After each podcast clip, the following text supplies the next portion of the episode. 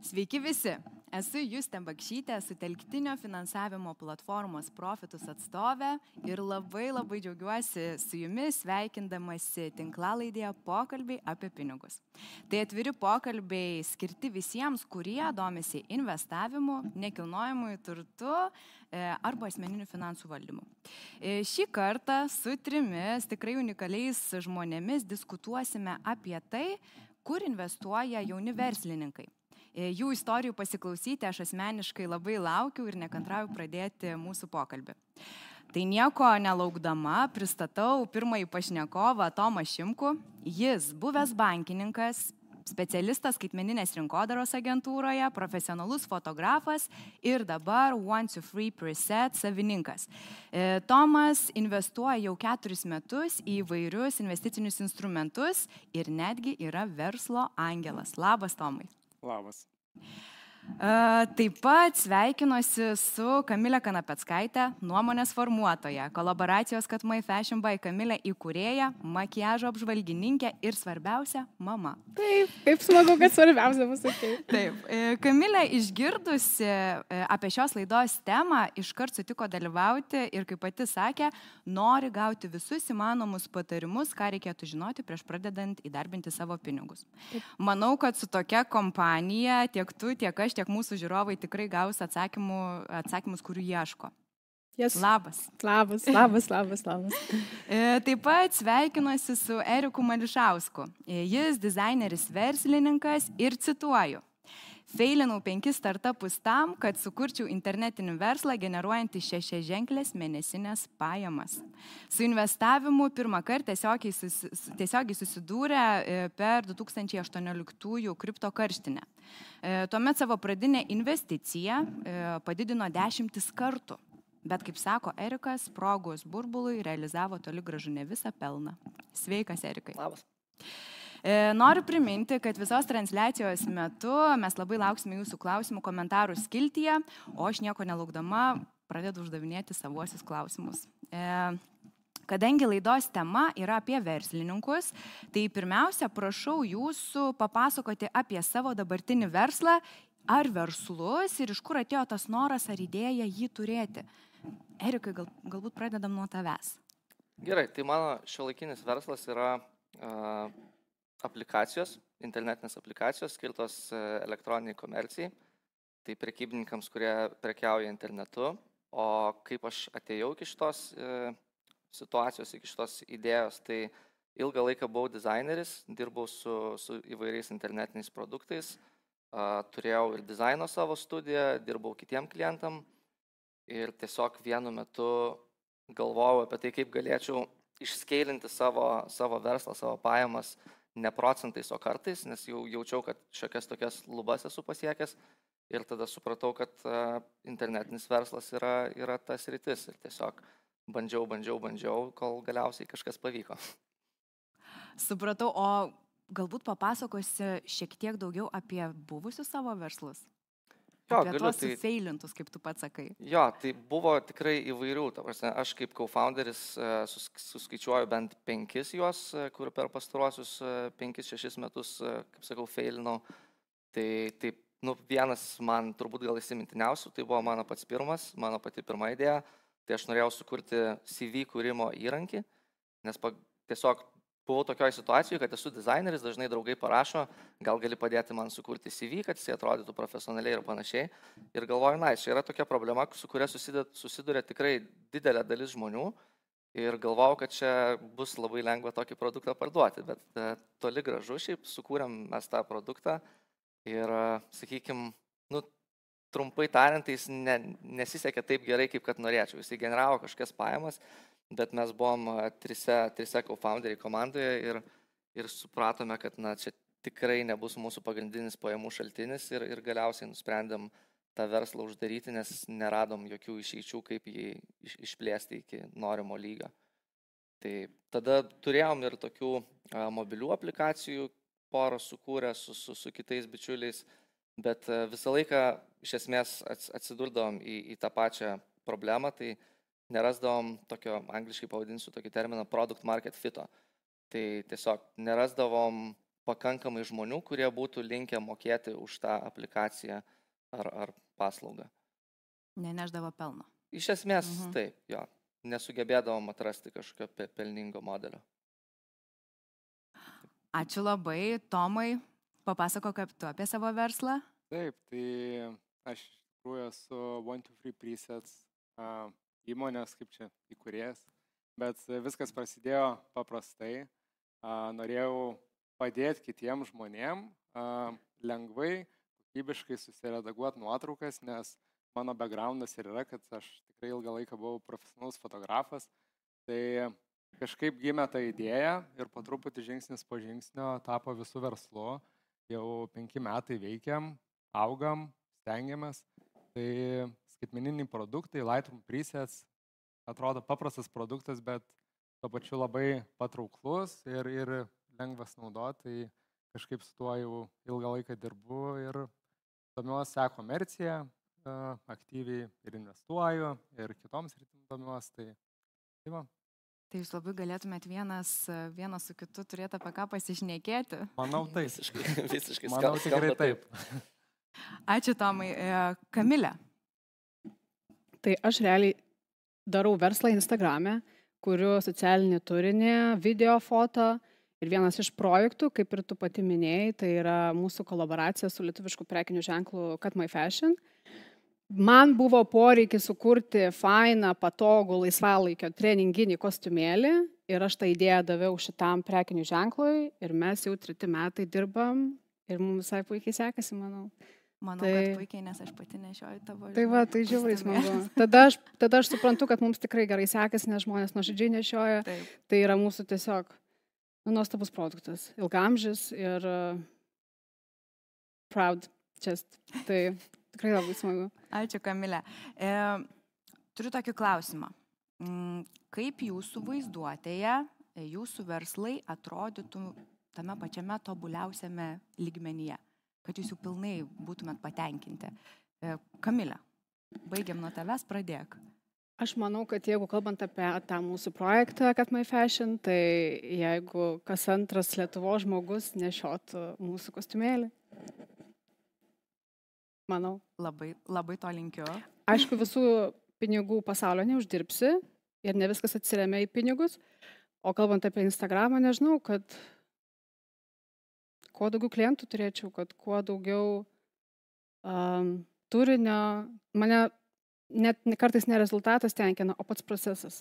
Aš dėl to ir pradėjau tai daryti ir darau jau aštuonis metus ir aš vis dar kaifuoju. Būna dienų, aišku, visokių, kur atrodo, mesiu viską, ką aš čia veikiu.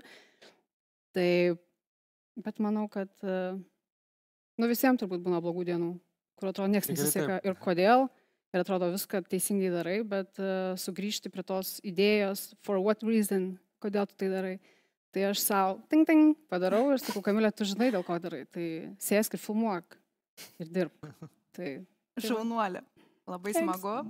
E, Erikai, Jeigu šį, šito klausimo būtumėt paklausus prieš metus, tai aš turbūt gali būčiau... mane vadinti tu. Gerai, Viskas jeigu- yra Jeigu gerai. tu paklaustum šitą klausimą prieš metus, tai būčiau atsakęs turbūt kažkokį modelį, koks, koks yra dabar. Bet kai klausi dabar, tai, tai jau visai kitaip įsivaizduoju ir, ir mano tas tobulas e, verslo modelis būtų kažkas panašaus į, į mūsų tokį vienaragį Kilo Health. Tai vadinasi save valdanti, nu, tokia ekosistema, kuri leidžia daug produktų, juos testuoja, tai kas veikia pasilieka ir, ir skeilina iki, iki begalybės, kas neveikia išmeta ir tas ratas sukasi be galo ir, ir į pasaulį išleidžia daug, daug produktų, kuriuos, kuriuos vartoja milijonai žmonių. O pinigais? milijonai žmonių. Pinigais, e, nežinau, jeigu taip labai nuoširdžiai, tai pinigais e, aš manau, kad mes esam dabar labai geroj pozicijoje, kai, kai galim nu, reinvestuoti vos ne 90 procentų savo pajamų. Tai sunku net pasakyti, aš galbūt ne, ne per pinigus sakyčiau, o per, per valuaciją, kad e, tokia grand vizija irgi yra, būtų žiauriai, žiauriai smagu būti tuo vienaragiu ir turėti tą titulą. Aš labai tau to linkiu. E, Ačiū už pasidalinimą, Tomai. Kaip tavo prekinis ženklas turėtų atrodyti tame tobuliausiame lygiai? Labai gerai pasakė, kad jeigu prieš penkis metus mhm. būtų kažkas paklausę, tai aš turbūt svajočiau, kad būtų ši diena ir atrodytų, kad viskas puikiai sekas. Šiandien nepasakyčiau, kad blogai sekas, tai ir jeigu reiktų galvo dabar apie kažkokį tobulą, tą tokį, nežinau, verslo modelį, taip galima naujas produktų linijas kurti, įsileisti dar daugiau idėjų į tą mūsų produktą, bet šiaip iš esmės tai irgi galbūt kažkokia nebent svajonė mm, padaryti dar kažką dar didesnio, kažką grand, kažkokį, um, nežinau, galbūt net nebūtinai susijęs su esama įmonė, kuri dabar veikia, nes ji tikrai yra pasiekus daugybę milijonų žmonių jau šiandien pasaulyje. Tai aš manau, kad uh, Tiesiog gal būtų svajonė po truputį kažkur eiti link to, kad uh, tiesiog tas, tas uh, pasaulis dar labiau sužinotų apie idėjas, produktus, kuriuos kūriam, apskritai galbūt net pasukti į visai kitą sritį, man pačiam padėti kitiem verslam aukti. Vis laik pagalvoju apie visokias kitas sritis, galimybės, nes pats per daug ką perėjau, tikrai daugam būna visokių iššūkių, nežino kaip elgtis ir kartais pagalvoju, kad net kartais ir faina padėti ir kitiem verslam. Tai nesakyčiau, kad vat, vien tik ir, pavyzdžiui, pinigai svarbu, bet galbūt ir savy kažkokia ten realizacija, laimė, gal tiek. Kokie jūs neegoistiški? Wow. Biški. wow. E, Tomai, e, žinau, kad šiuo metu esi verslo angelas. Turbūt yra klausytojų, e, kurie nežino, kas tai yra. Galbūt tu jiems papasakotum. Tikrai galiu papasakoti. Tai šiaip ta verslo angelų bendruomenė Lietuvoje jau yra ilgą laiką. Paprastai žodžiais kalbant, tai yra, jeigu jūs esat įmonė, fizinis asmuo, galbūt komanda žmonių, kurie nori sukurti kažkokį produktą, bet jūs neturit tam pinigų arba turit neužtektinai pinigų ir norit jų susireizinti, tai yra galimybė kreiptis į verslo angelus. Verslo angelai vertina jūsų komandą, apyvartą, jeigu jos nėra, e, viziją, tikslus, idėjas, jie gali nuspręsti, kad jūs esate įdomus gali susikurti įvairūs sindikatai, tai yra žmonių grupės, kurie nuspręs jūs investuoti.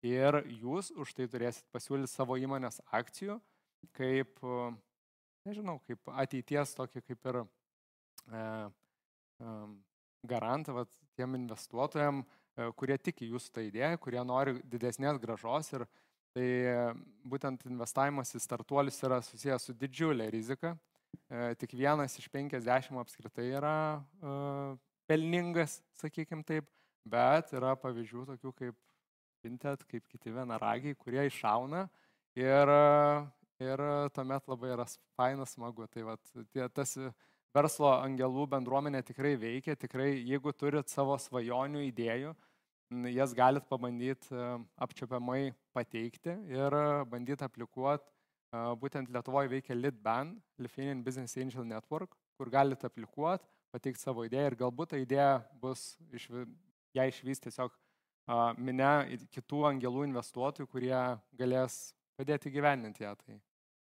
O ar turi tokių įmonių išskirtinų, kuriomis galėtum pasidalinti? Labai įdomu būtent iš kurios pusės, iš, kaip, į kurias investavau. Tavo, kaip, investavau. Taip, taip. Aš investavau kartu su sindikatu. Vyksta tokie angelų mokyklos mokymai, kur didelė žmonių grupė, tai tiek vienam du kartus investavau, tai tiek vienam, tiek kitam sindikate buvo virš 40 žmonių, reiškia, visi 40 žmonių investuoja į vieną idėją ir bando pas, ją pasitikėti. Tai aš neįskirčiau, kad tai buvo galbūt mano mėgstamiausios įmonės, į kurias, kurias aš norėčiau investuoti, kadangi 40 žmonių turi nuspręsti, ką investuoja. Bet e, jeigu mes tiesiog norėtume surasti daug įdomių įmonių, jų yra tūkstančiai, kurios kūrėsi, kurios nori pasiūlyti įdomius produktus. Vakar kaip tik buvau pičino šešios nuostabios įmonės gynėjų gatvėje Rocket, tai žodžiu, veiksmas vyksta, bet išskir dabar vienos, tai tikrai negalėčiau ar kelių, kurios patiktų, kurias dabar investuočiau. O nuo ko prasidėjo tavo investavimo kelionė? Pati pradžia. Jo, tai šiaip uh, studijavau ekonomiką.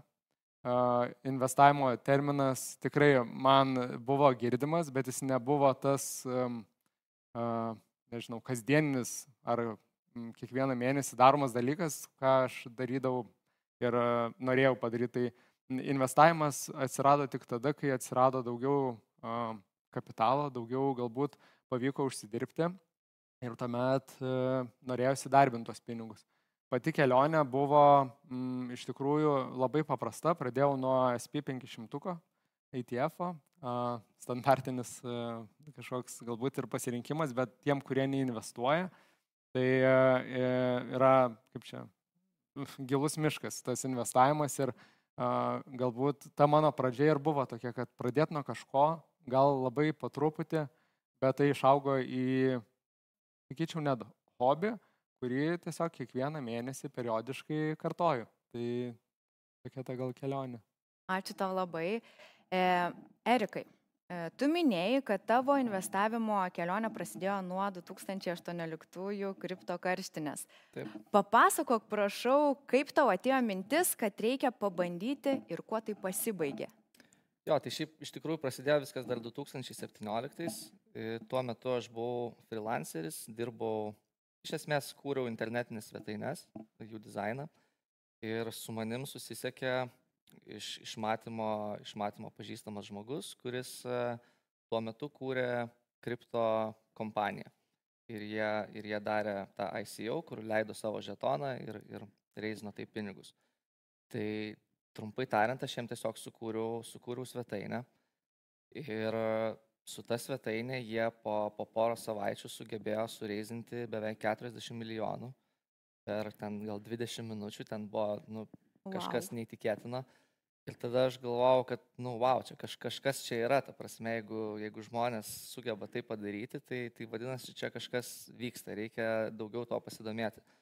Ir iš tikrųjų jam pas mane sugrįžo po, po mėnesio ir paprašė būti jų produkto head of design. Ir tada aš prisijungiau prie jų komandos ir tai tada tai iš vis tapo neišvengiama, nes realiai kiekvieną dieną atėjęs į ofisą aš su bendradarbiais kalbėdavau apie kripto, skaitydavau apie kripto ir tada kuo tu daugiau to domiesi, tu jau nu, pasiruoši galiausiai pats savo pinigus ten įdėti. Ir taip pradėjau investuoti. O, o kaip tai baigėsi, tai iš tikrųjų negaliu sakyti, kad tai baigėsi, nes aš vis dar tą darau bet, bet būtent ta pati pradžia tai turėjo tokią ir, ir smagę, ir nesmagę pabaigą. Tai aš tikrai džiaugiuosi, kad aš investavau, nes visų pirma tai mane atvedė į tą investavimo kelią. Ir 2018 metais, kaip žinia, buvo tas didelis kripto, kripto burbulas, kai viskas kilo ne procentais, o kartais ir, ir ne per metus, o per, per savaitės ar mėnesius. Ir aš tą savo investuotą sumą pasididinau ten dešimtis kartų ir, ir jau ten svajojau, kaip čia tuoj atiduosiu paskolą ir, ir būsiu nepriklausomas ir gyvensiu tik, tik iš kripto investavimo, bet tas e, burbulas susprogo. Ir, ir aš dar pasakyčiau, gan, gan laiku aš spėjau iš ten išeiti, bet, e, bet nu, jeigu taip e, procentai sakyti, tai nuo savo aukščiausio taško, kiek, kiek turėjau vat, būtent kripto pinigais, tai, tai viskas nukrito apie, apie 60 procentų iki tol, kol aš jau supratau, kad reikia uh, reikia išeidinėti. Tai, o kokia tai buvo suma? Uh, suma buvo virš, virš 100 tūkstančių, 110 tūkstančių gal aukščiausiam taške. Tai jo, tai viskas nukrito iki kokių... Visi, nu, visi nutilę žvalgosi. viskas nukrito iki 40 ir šiaip, ir tai buvo žiauriai gera pamoka man, nes iš tikrųjų, kai tu matai tos skaičius, tai atrodo kažkaip biškis surrealu, bet tuo pačiu tu jau uh, tau jau atrodo, kad viskas, čia yra tavo pinigai, bet iš tikrųjų ne, tai yra tiesiog nerealizuotas pelnas ir kol tu jo nerealizavai ir kol tu neturi tų pinigų savo sąskaitoje, tai, tai, tai jie nieko nereiškia iš esmės. Ir tada lygiai taip kaip man atsitiko, per, per savaitę tu gali prarasti 60 procentų. Ir, ir tuomet tau uh, emociškai atrodo, kad tu ką tik pralošiai 60 tūkstančių eurų, nes tu juos turėjai, tau atrodo, kad tu juos turėjai ir tada vieną dieną atsikeli ir žiūri, kad tu sugebėjai 60 tūkstančių eurų pra, pralošti ir, ir tada galvoji, hm, tai kiek aš galėjau su jais nuveikti. Bet tai man tiesiog darė, davė labai gerą pamoką apie tai, kad reikia laiku, kaip laiku ir, ir iš esmės realizuoti pelną kad galbūt tai daryti dalimis, nelaukti kažkokių didelių pokyčių. Ir jo, dabar aš, dabar aš jau šiek tiek protingiau elgiuosi su, su investicijom, bet e, labai džiaugiuosi, kad tai taip atsitiko, nes e, gan anksti išmokau šitą pamoką. Bet nenumušė to noro toliau investuoti, nebuvo taip, kad stop. Ne, nenumušė, nes man, kodėl man pasisekė, nes aš ganėtinai anksti įėjau į tą rinką, tai aš vis tiek likau pliuse kad ir kaip ten bebūtų, aš, aš vis tiek uždirbau ir pasilikau dar tos kriptovaliutos ir, ir tos pačios pirmos kriptovaliutos, kurią pirkau 2017 metais, aš vis dar turiu. Tai, tai iš esmės nenumušė tikrai noro, bet, e, nu, neneiksiu, buvo tikrai porą savaičių tokias depresovas ganėtinai. Ačiū labai už pasidalinimą. E, Kamilė, kur tu šiuo metu investuoji? Aš tai tiesiog turiu investicinį draudimą, ir tiek. Tai irgi yra ir investuoju į batus ir tašis. O, aš žinok, esu pasiruošus tokį klausimą pabaigoje, tai pakalbėt galėsim okay. šiek tiek plačiau apie tai, man labai įdomu. E, o ar turi kažkokių konkrečių tikslų, kurių norėtum pasiekti investuodama? Kad senatvai būtų šilta pagalvė. Ir vandenukas. Senatvė. Mm, nežinau, ne. man investavimas yra tiesiog, man investavimas yra ne mano tema ir aš absoliučiai nieko nežinau apie tai. Tai labai gerai, kad aš esu čia. Labai gerai, labai gerai. Tomai, Erikai, kaip galėtumėte patarti Kamiliai pradėti investuoti ir pasinaudoti savo verslo pajamomis? Galbūt mhm. yra koks nors mažiau rizikingas būdas, mhm. aišku. Nes tai, ką aš išgirdau, tai man šiek tiek jau baugu darosi.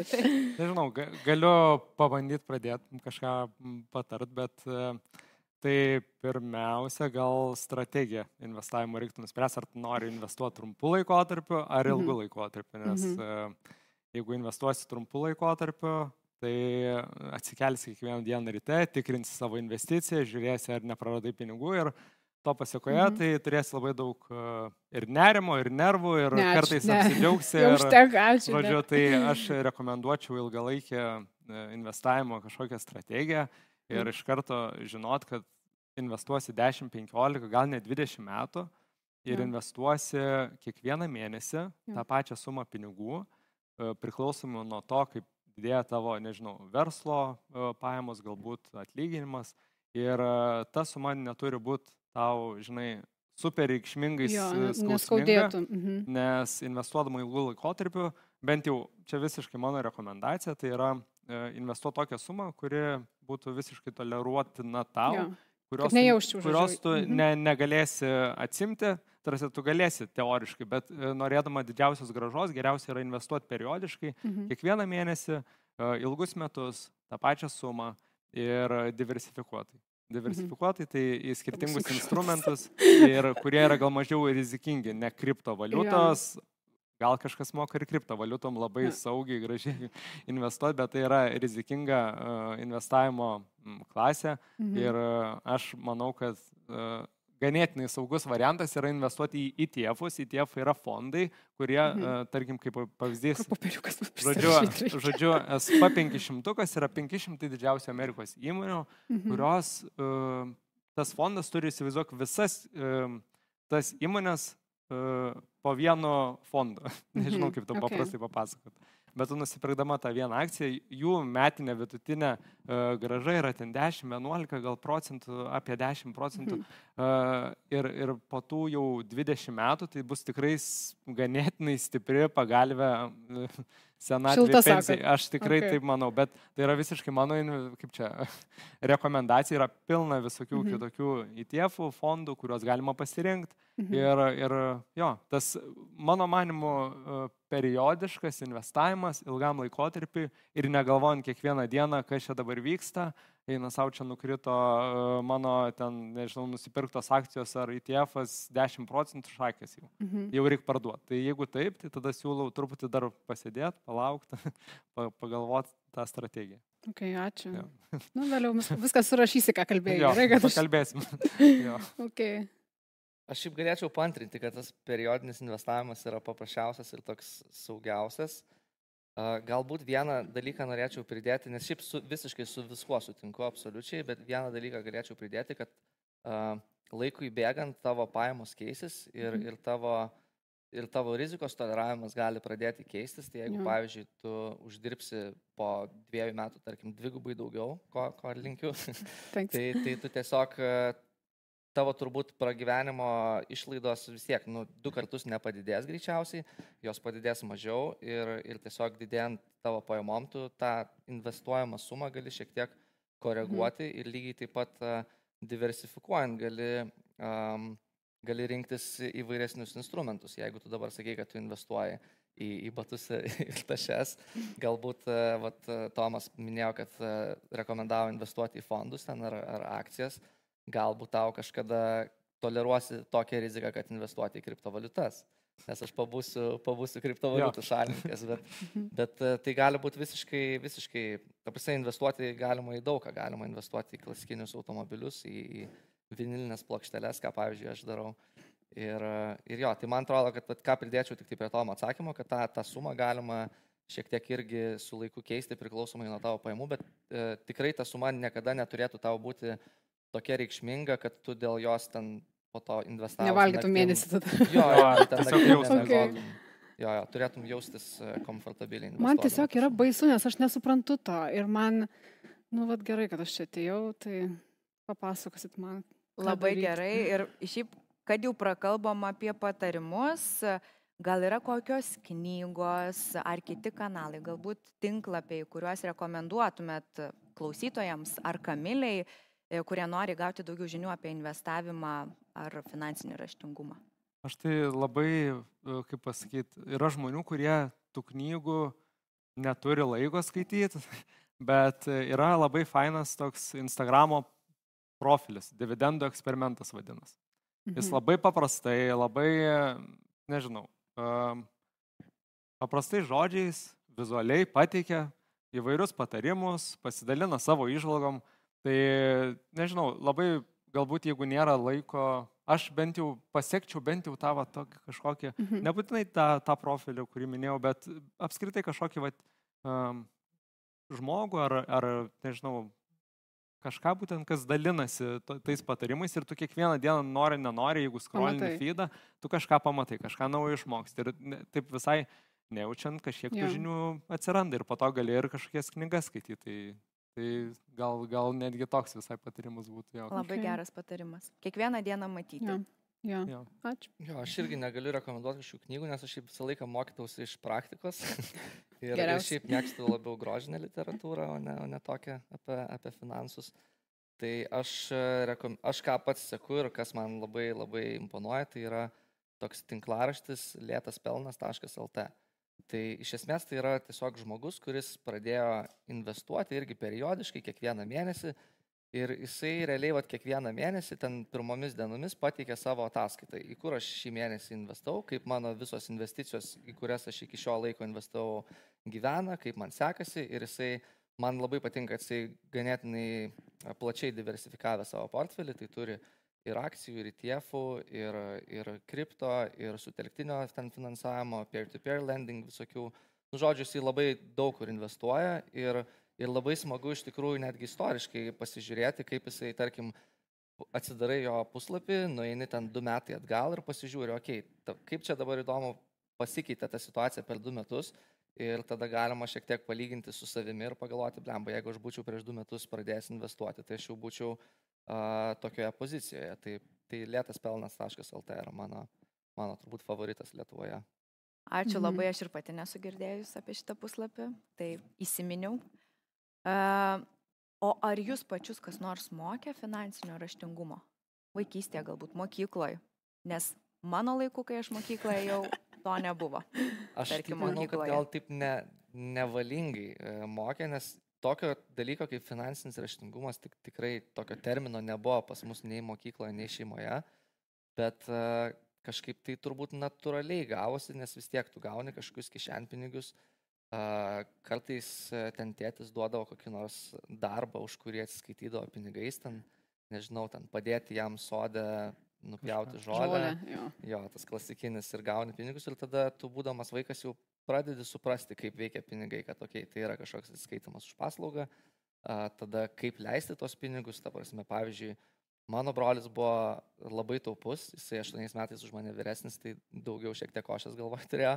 Aš atvirkščiai visą laiką gavęs pinigus, nu jos tiesiog vos ne kitą dieną išleisdavau arba tą pačią. Aišku, aš dar labai jaunas buvau, bet, bet tai irgi man davė šiokią tokią pamoką, nes aš išleisdavau tos pinigus, nežinau, ten kažką nusipirkdavau, skanaus suvalgydavau ir tada žiūrėdavau, kaip mano brolis, pavyzdžiui, pataupė ir po savaitės kažką nusipirko, ko aš irgi labai norėčiau. Ir tada galvoju, blem, gal ir man reikėtų pradėti taupyti ir, ir nusipirkti kažką reikšmingesnio, ko labai noriu, o ne ten išleisti ant, ant saldainių. Tai, tai jo, tokių kažkokių finansinio raštingumo pamokų nebuvo, bet tai natūraliai kažkaip gausi, bent jau mano, mano aplinkoje. Bet visgi brolis padėjo. Čia galėtų būti kaip taip, mokytojas įvardinamas. Taip, visiškai, visiškai padėjo. Jo, ačiū jam. Ačiū jam. E, Tomai. Jo, panašiai iš tikrųjų. Panašiai. Labai kažkaip tas, jo, kažkaip ne, nebuvo taip, kad ten susėdam su tėvais ar ten mokykloje ir dabar kalbėsim apie finansinį raštingumą. Tikrai taip nebuvo. Tai, bet visą laiką kažkaip, nežinau, irgi tu girdė aplinkui, nežinau, bent jau aš girdėdavau, pinigai turi dirbti, ta prasme, įdarbinti. Girdėdavai kažkaip tokį, tikrai, ne, gal vai, jau kalbu apie gal tolimesnį tą tokį, nežinau, paauglystę, vadinkim. Mhm tikrai buvo, kad aplinkoje kažkur jau girdi, bet tu dar nelabai gal ir supranti, kas čia yra. Bet tu girdi, tada jau prasidėjo galbūt studijos, tada jau labiau įsigilini, bet vaikystėje tai aš manau, kad jo, ten tas paprasčiausias kažkoks taupimas, aš turiu ir dvynį brolį, tai mes tikrai labai irgi mokėdom ten ir prisitaupyti, ir kažką nusipirkti bendrai, ir, ir tai čia tokie galbūt irgi finansinio kažkokio raštingumo, va tokių istorijų tikrai dar galima būtų rasti, kaip Erikas minėjo, ten kažką žiūri, kažko nori.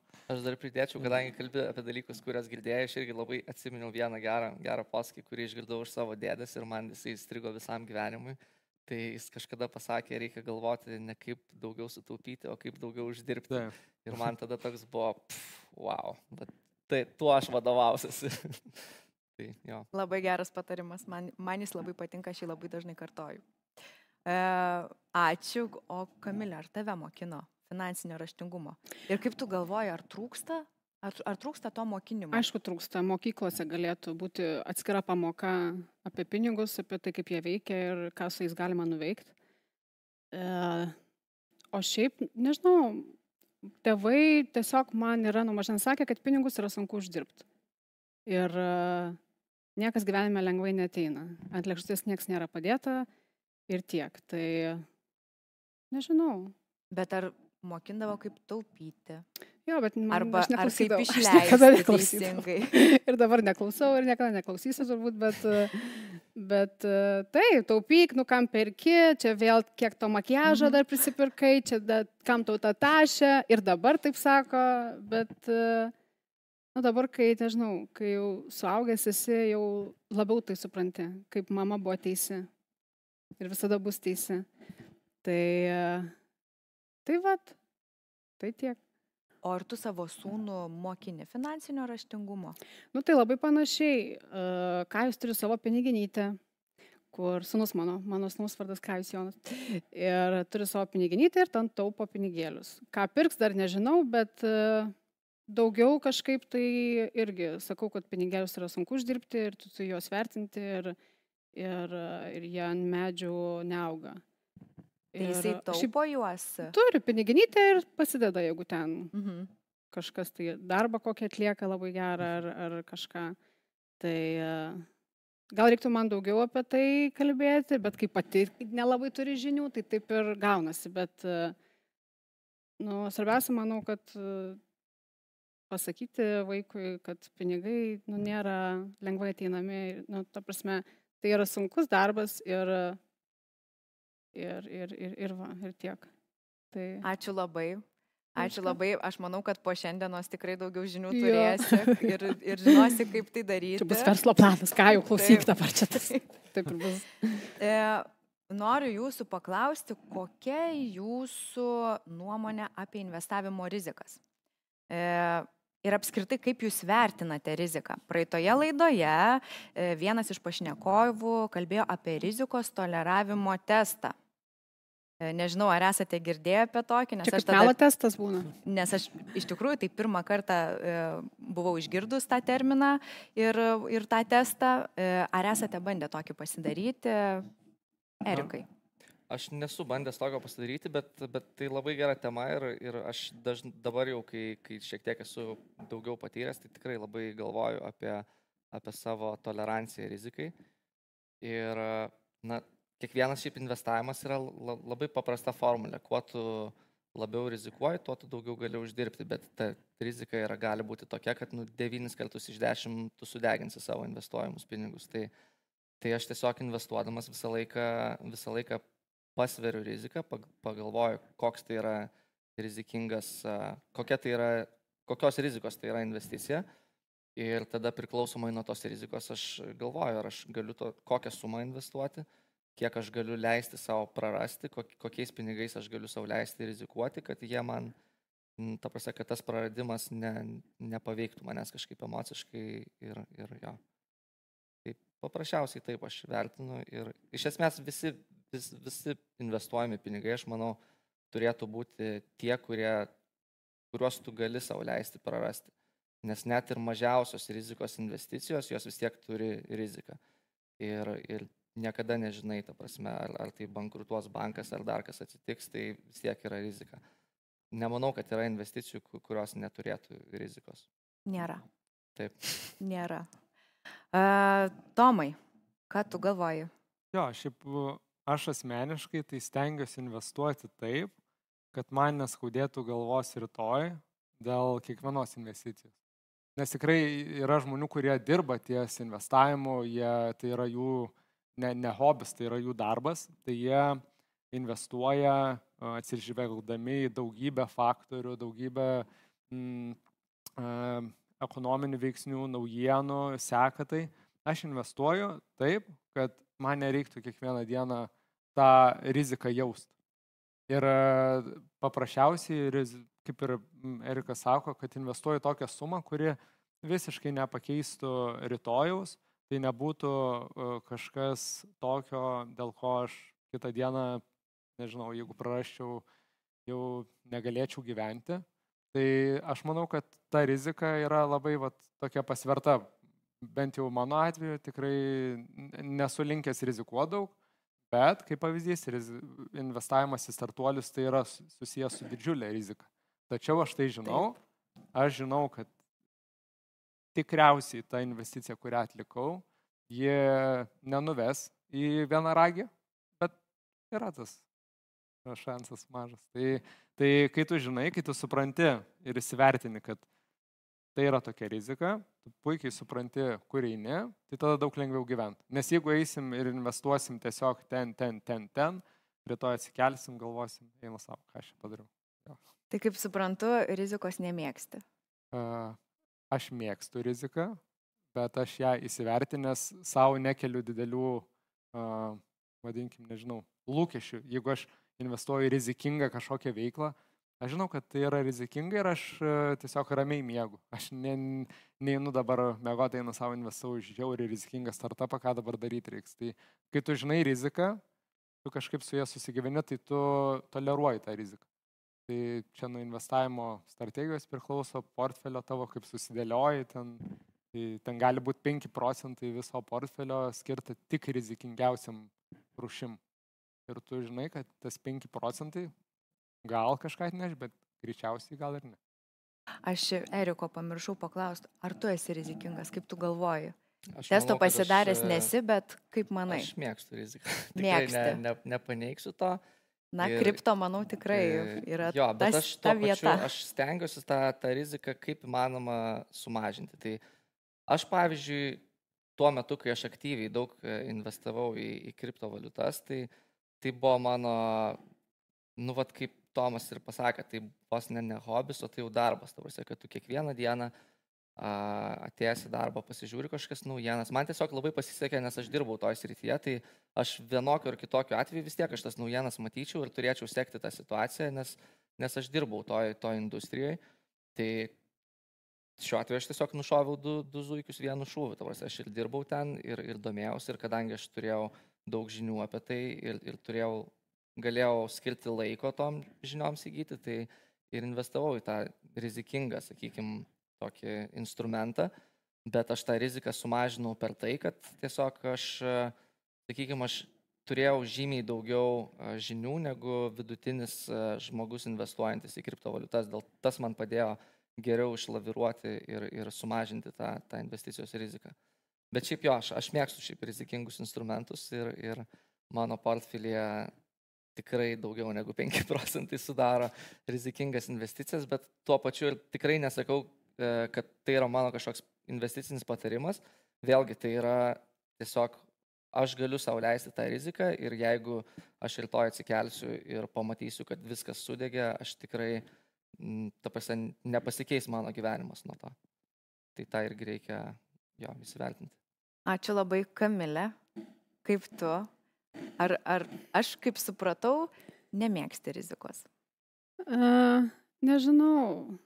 Šiaip mėgstu. Tai aš ne, ne, nesidėčiau čia, jeigu nemėgčiau. Nu, man tai Tiesa. tai ne, nepatiktų.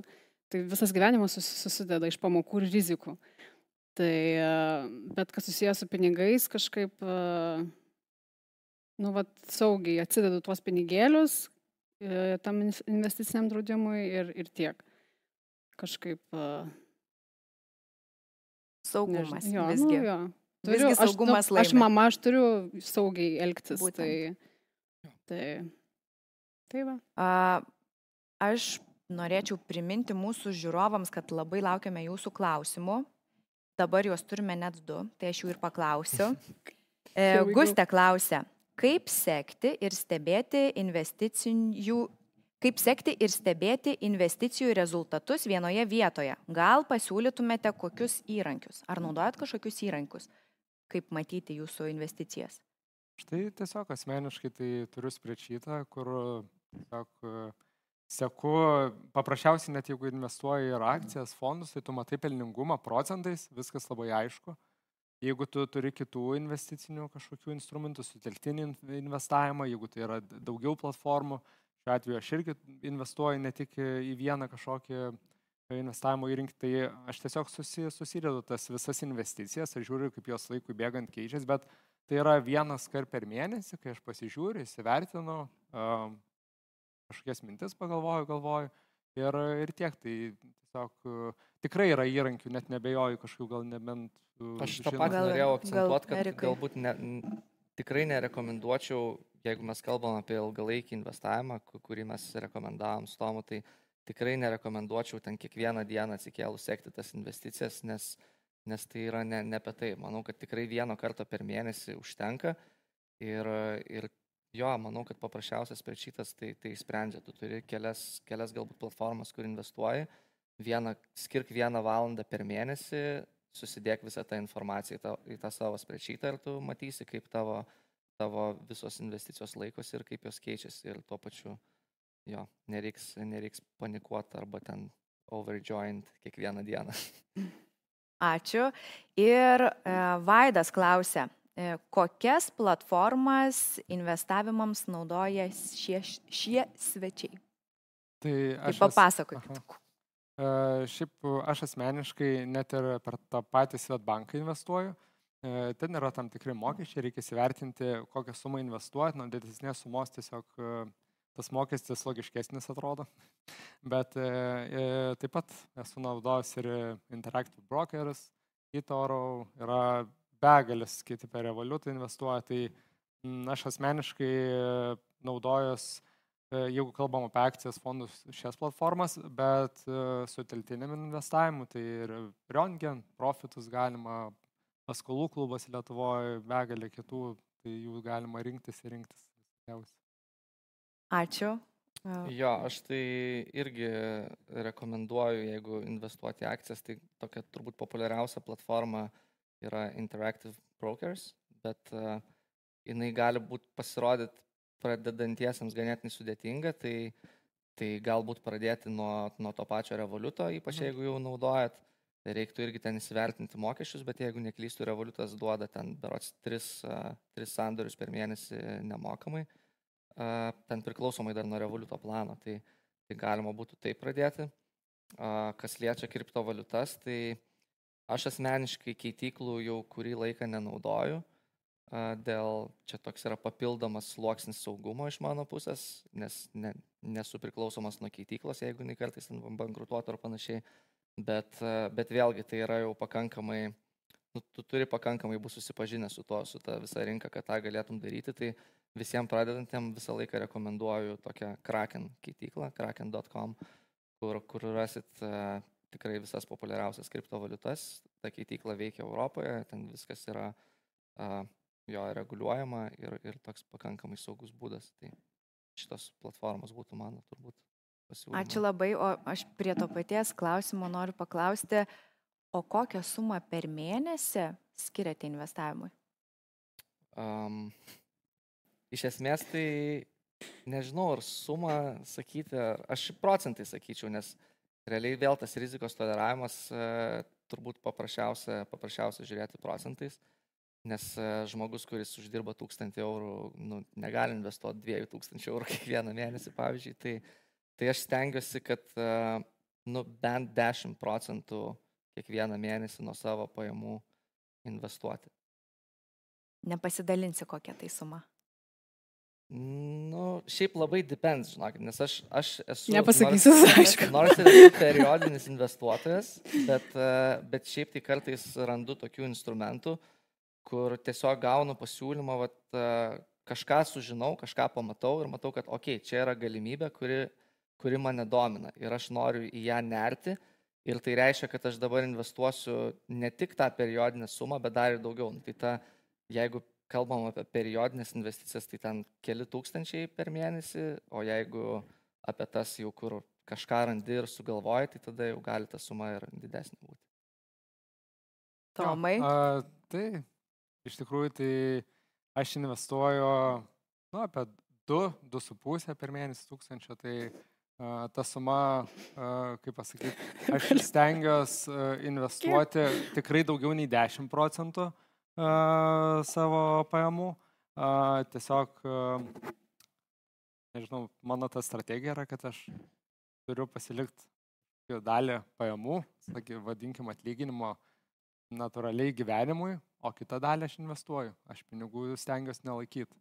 Tai yra dalis pinigų, kur kaip irgi mano portfelio dalis, tai yra dideliem pirkiniam galbūt kažkokiem gyvenime, kurie nusimato, bet tai yra tikrai nedidelė dalis viso portfelio, ką aš būtent kaip aš gyvenu, kaip tuos pinigus realizuoju, tai stengiuosi didžiąją dalį pinigų investuoti. A, gerai, o kiek daugiausiai esi praradęs pinigų? A, kadangi aš investuoju ilgalaikiam laikotarpiu, tai aš apskritai nepasakyčiau, kad aš dar esu praradęs, nes dar aš nieko nepardaviau, tas, kas yra nepelninga. Tai gal po 20 metų tai bus pelninga. Tai tikrai esu praradęs, esu nusipirkęs ir įvairių akcijų, kur kažkodėl aš jomis tikėjus, per daug researcho nedariau, kaip sakiau, ne, nesu tas investuotojas, kur labai daug uh, seka, žiūri, tai yra buvę ir, ir tokių variantų, kur ir po 50 procentų uh, nukrito tos akcijos, aš iki šiol jas turiu, tai nebuvo didelės sumos investuotas į jas, į akcijas aš neinvestuoju um, didelių sumų, um, būtent į akcijų tokią klasę, bet, bet jo, ta suma tai nu, tikrai ir virš 5000 yra buvę, ta prasme, kur, bet aš dar jų nepraradau. tai va. Viltis visą laiką. Jo. Visada. E, Kamilė. Aš tai nesakysiu.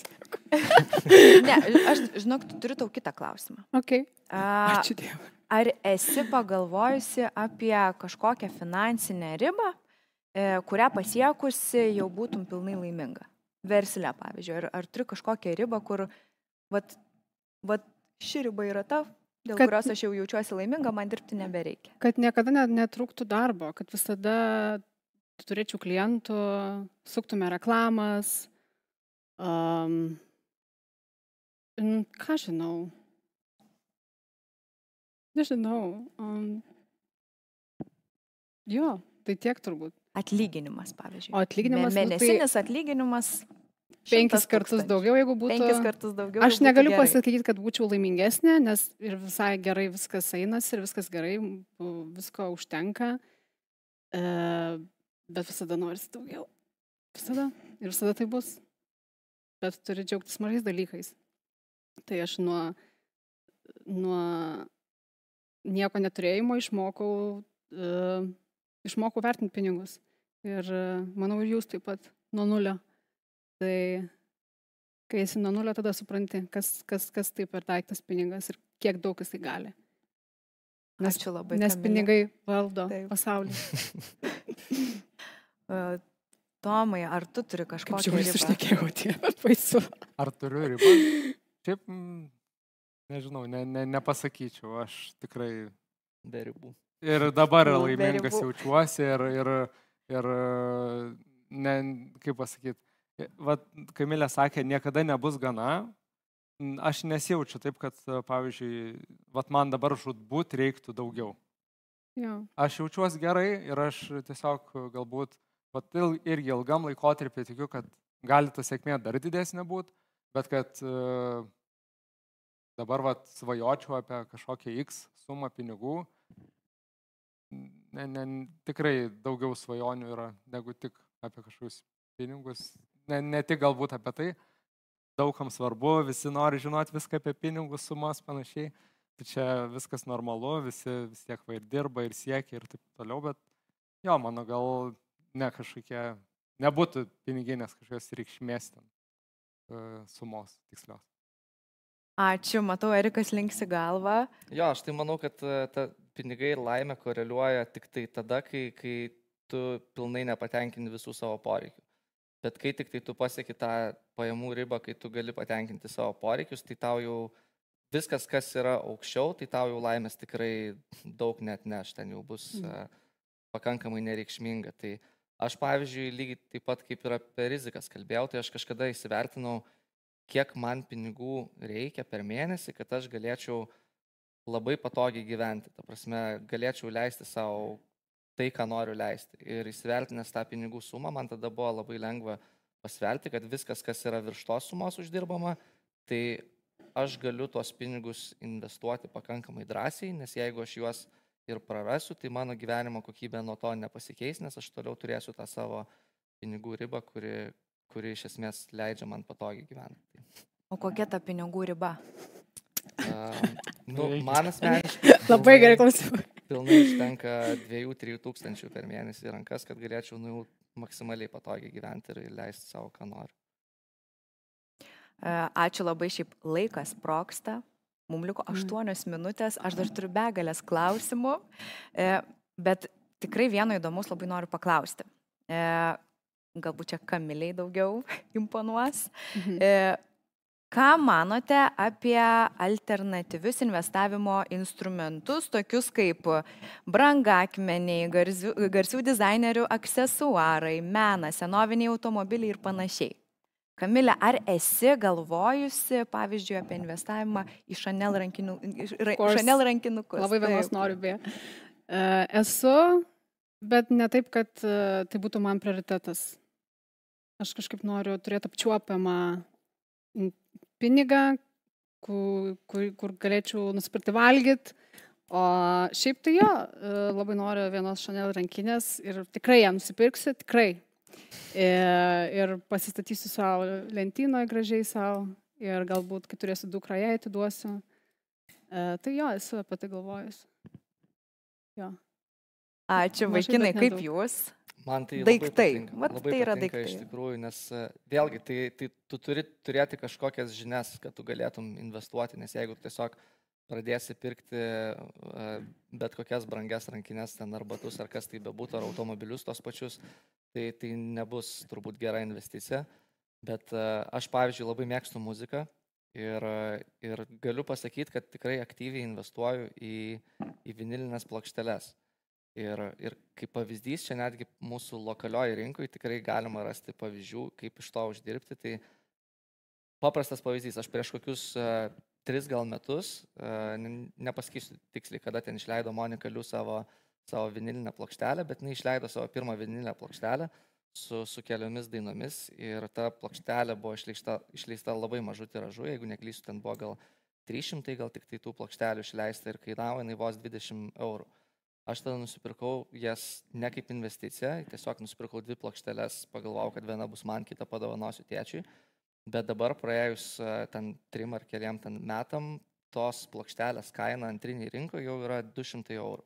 Tai realiai investicija Oho. yra 10x, kas yra nu, neįtikėtinas, e, neįtikėtinas returnas. Tai, e, tai jo, aš kažkaip dabar iš tikrųjų investuodamas į tas plokšteles per daug negalvoju apie Ta prasme, daug laiko neinvestuoju gilindamasis, bet aš labiau mėgstu galbūt paremti tos kuriejus, jeigu jie ypač leidžia kažkokį limituotą leidimą, ten tarkim, vat, neseniai, neseniai ba išleido ten limituoto tiražo kažkokį savo, savo vinilą, tai uh, special ten kažkokį spalvotą, tai aš irgi ten nusipirkau keletą jų ir kažkaip visai tikiu, kad tai, tai realiai tu turi tikėti tų kuriejų pačių, kuris leidžia tą plokštelę, nes tavo investicija nuo jo priklausys.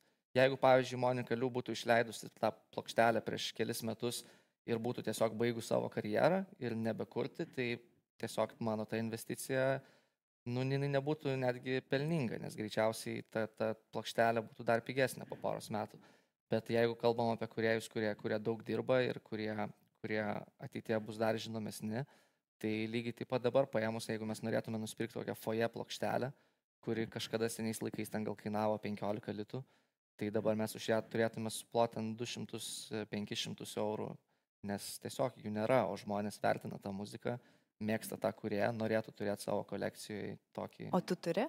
Uh, foje? Ne, foje neturiu. Ne. Nes dabar jau man kažkaip atrodo, dabar jau per brangu, dabar, uh, dabar jau jeigu pirkčiau, tai būtų ne investicija, o labiau kažkoks savo kolekcijos papildymas ir ne, tiesiog galvoju, kad galbūt jau čia yra lubos. Mano bent jau tokiu įsitikinimu. Ja. Ačiū labai.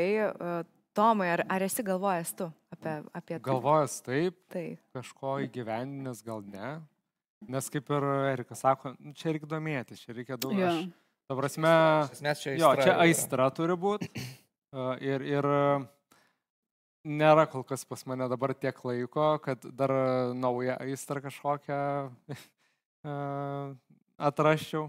E, kaip pavyzdys dabar tenisas yra mano aistra, aš tikrai užsikabinau, tai ten galėčiau teniso raketės kokias senoviškas kolekcionuoti ir pirkti, gal kažkada ateityje paieškosiu, surasiu, pasižiūrėsiu.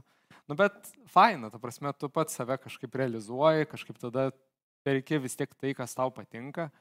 O jeigu žiūrėt kaip į pagrindinį investavimo tą, nežinau, kryptį, tai jau man sunku pakomentuoti būtų, nes visiškai neturiu patirties tame ir turbūt yra ir tokių variantų, kur žmonės į meno kūrinius investuoja, mhm. juos puikiai išmano, automobilį, nu, ta prasme tikrai tai yra, tai yra tai, kas yra gyvenimas jo.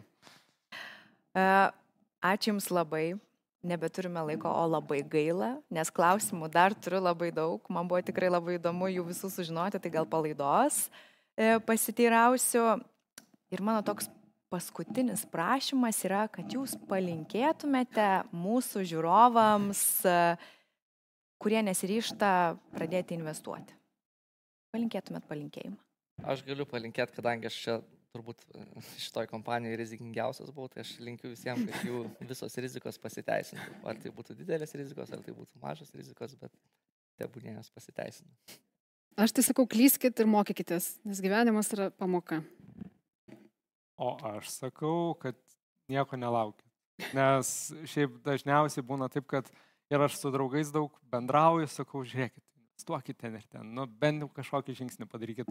Tai atrodo visiems toks sunkus žingsnis, bet kai padarai tą pirmą žingsnį, nors ir mažą, nors ir labai nedidelį, tai, tai atsiranda kažkoks įprotis, atsiranda noras tobulėti, tai tiesiog linkiu pradėti, nebijoti ir šiandien, ne rytoj, bet Šiandien siūlau. Kaip sportuoti. Šiandien, Kamilė, šiandien.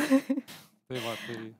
Ačiū labai. E, taigi, rezumuojant, tikriausiai pats svarbiausias momentas, norint e, pradėti investuoti, yra domėtis tuo, didinti savo finansinį raštingumą, e, sužinoti kuo daugiau informacijos apie skirtingus investicinius instrumentus ir pasirinkti savo tinkamiausius, bei nelaukti ir pradėti dabar. E, noriu labai padėkoti savo pašnekovams, tikiu, kad savo pasidalinimais įkvėpėte ne vieną klausytoją pasidomėti investavimu, o gal net ir žengti pirmąjį žingsnį finansinės laisvės link. E, o žiūrovams noriu padėkoti, kad žiūrėjote, kad klausėtės, uždavinėjote klausimus ir iki kitų kartų.